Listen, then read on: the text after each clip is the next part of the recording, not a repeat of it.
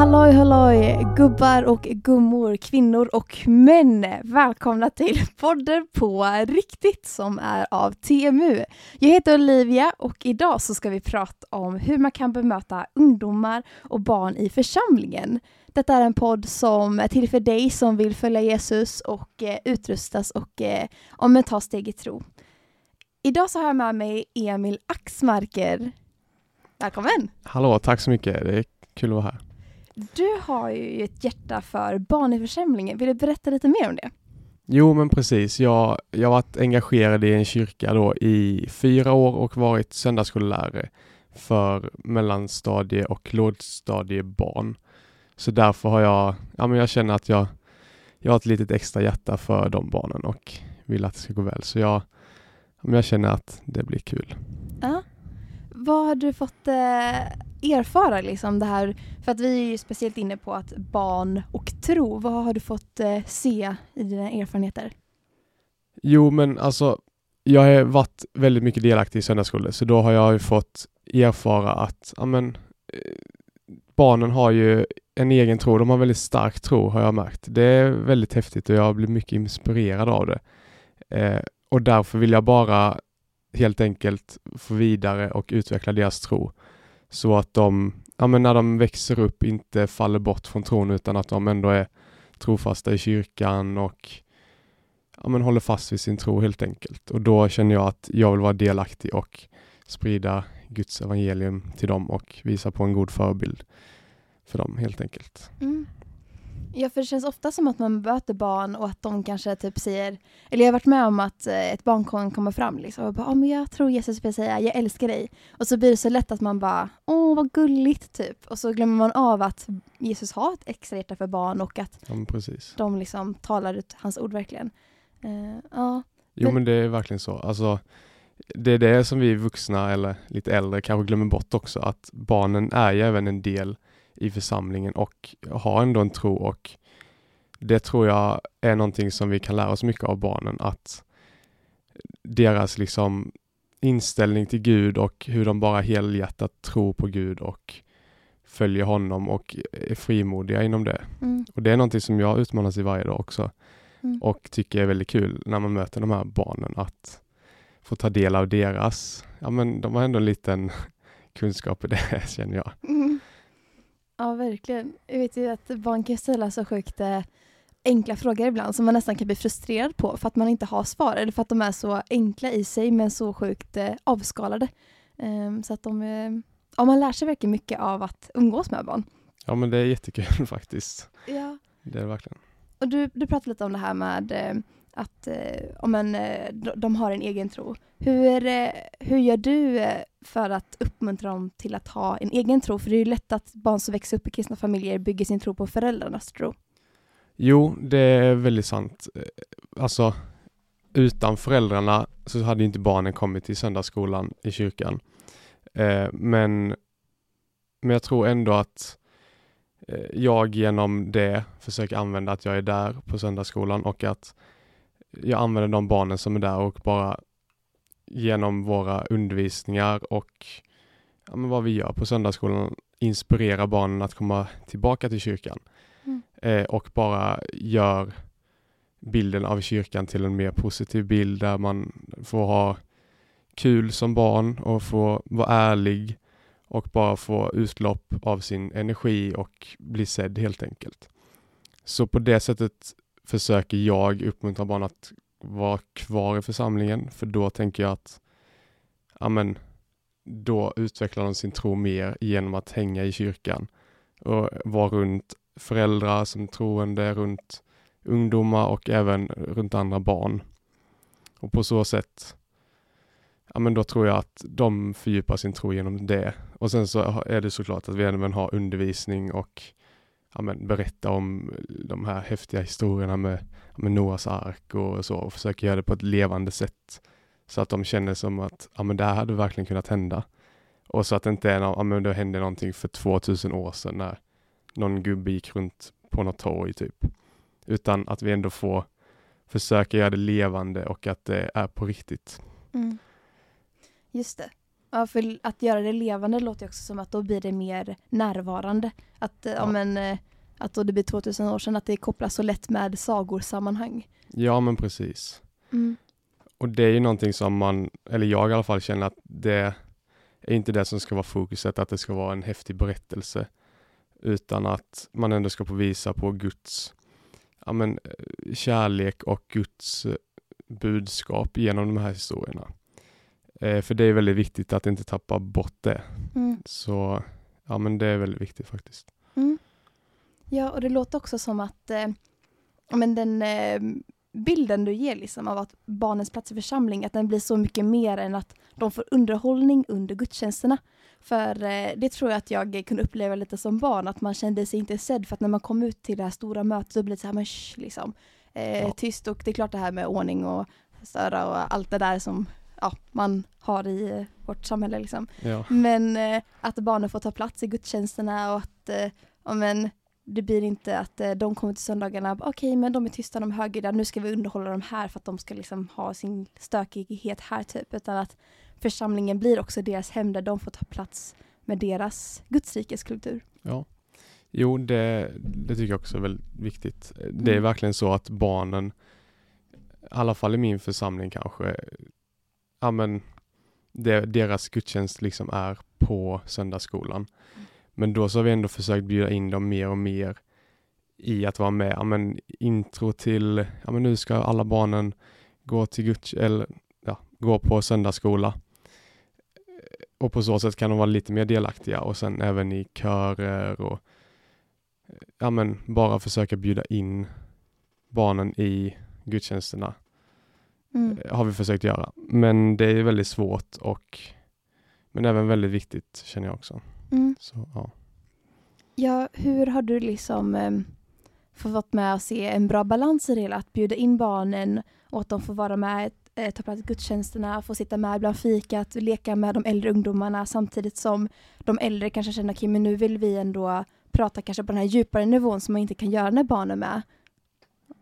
ja, jo men det är en väldigt svår balansgång som jag även har varit med i och jag har ju varit i den situationen när man ja, men barn kommer fram till en bara, ah, men får jag vara med och spela pingis med och man bara ja, jag vill liksom inte säga nej men sen så blir det ju på en annan nivå liksom. Vi spelade pingis och vi är lite bättre, eller ganska mycket bättre oftast än den här femåringen då.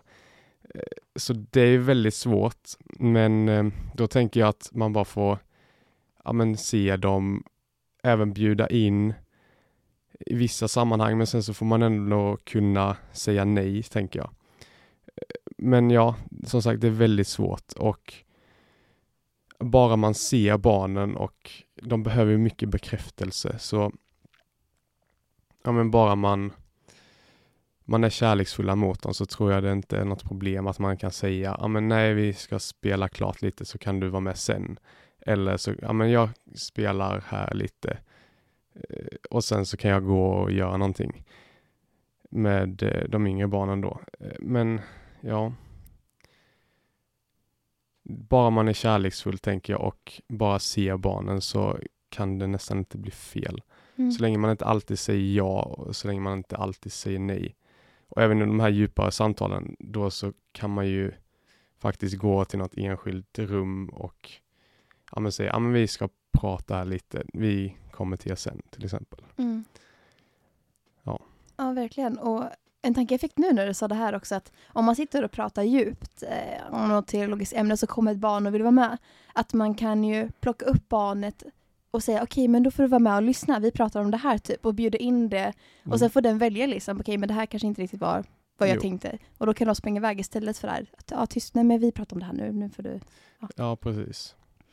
Ja för man vill ju inte boxa in barn och säga du kan inte Nej. förstå det här, det vill man ju undvika. Nej, det gör ju att de känner sig väldigt utanför och eftersom de ser upp till oss äldre väldigt mycket Mm. och har ju oss som förebilder så blir det ju extra nedslag att det är vi som liksom trycker ner dem. Och det vill vi inte, för det, det kan ju ärra barn. Eh, Det vet jag ju själv när man var liten, man liksom ville hänga med de äldre Mm. Och sen så blir det kanske väldigt mycket fler nej än ja Mm. till att vara med på saker och det blir ju inte bra i det långa loppet då. Men eh, ja, det är bra.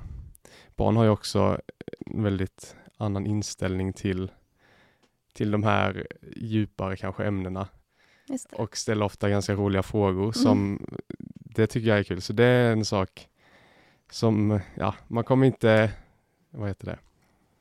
Man kommer inte ångra sig efteråt om man bjuder in ett barn till någon djupare, ja, men konversation Nej. ibland. Ja, det, det gör man ju lite som man känner, men ja. Ja.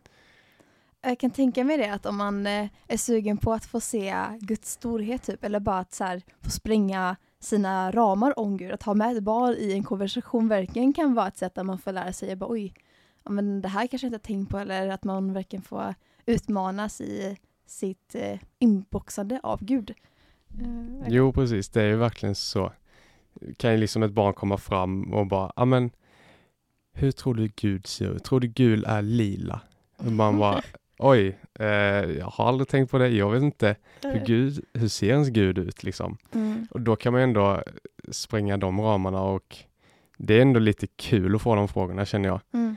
Eh, för då får man ju verkligen tänka till och ändra sin gudsbild kanske. Ja, För ibland är alltså man, man utvecklar alltid det. ja. Så det, det är väldigt, eh, väldigt uppmuntrande och fördjupande tycker jag att få de här väldigt random konstiga frågorna. Men det, det har ändå fördjupat min tro en del och ja, men, lett till att jag har tänkt vidare på de här ja, men, lite större frågorna Mm. På ett annorlunda sätt då. Mm. Vilka, eller har du några exempel på vilka frågor? Ja men till exempel man har ju fått de här klassiska, åh kan Gud skapa någonting större än sig själv och ja men sådana ställer ju barn och liksom ja, så de frågorna har man ju tänkt lite på men det känns känns inte som att det har spelat så jättestor roll för min gudsbild för det är bara dumma frågor. Sen finns det ju de frågorna som är lite bättre typ, ja men hur, hur kan verkligen Gud skapa den här blomman eh, till exempel? Mm. Och då har man ändå tänkt, ja men det kopplar man tillbaka till skapelsen då. Och då så, ja men, ja men då utvecklas man ju ändå, eller jag har i alla fall gjort det, utvecklat min eh, ja, men teori eller mitt synsätt på till exempel skapelsen. Att ja men, det är så komplicerade varelser och Mm. lite så. Mm. Men jag kommer inte på något jättebra exempel just nu. Mm. Men ja. Ja men jag vet, eh, eller för att jag vet när man har suttit och pratat med barn typ och så kanske de har ställt frågan bara varför behövde Jesus dö på ett kors? Och så Ja. blir det här, jag tänker om man är uppvuxen, eller jag är uppvuxen i en kristen familj och då blir det så här, man bara, man är så van vid att det bara, men det är så liksom, det var så han tog Ja. våra synder.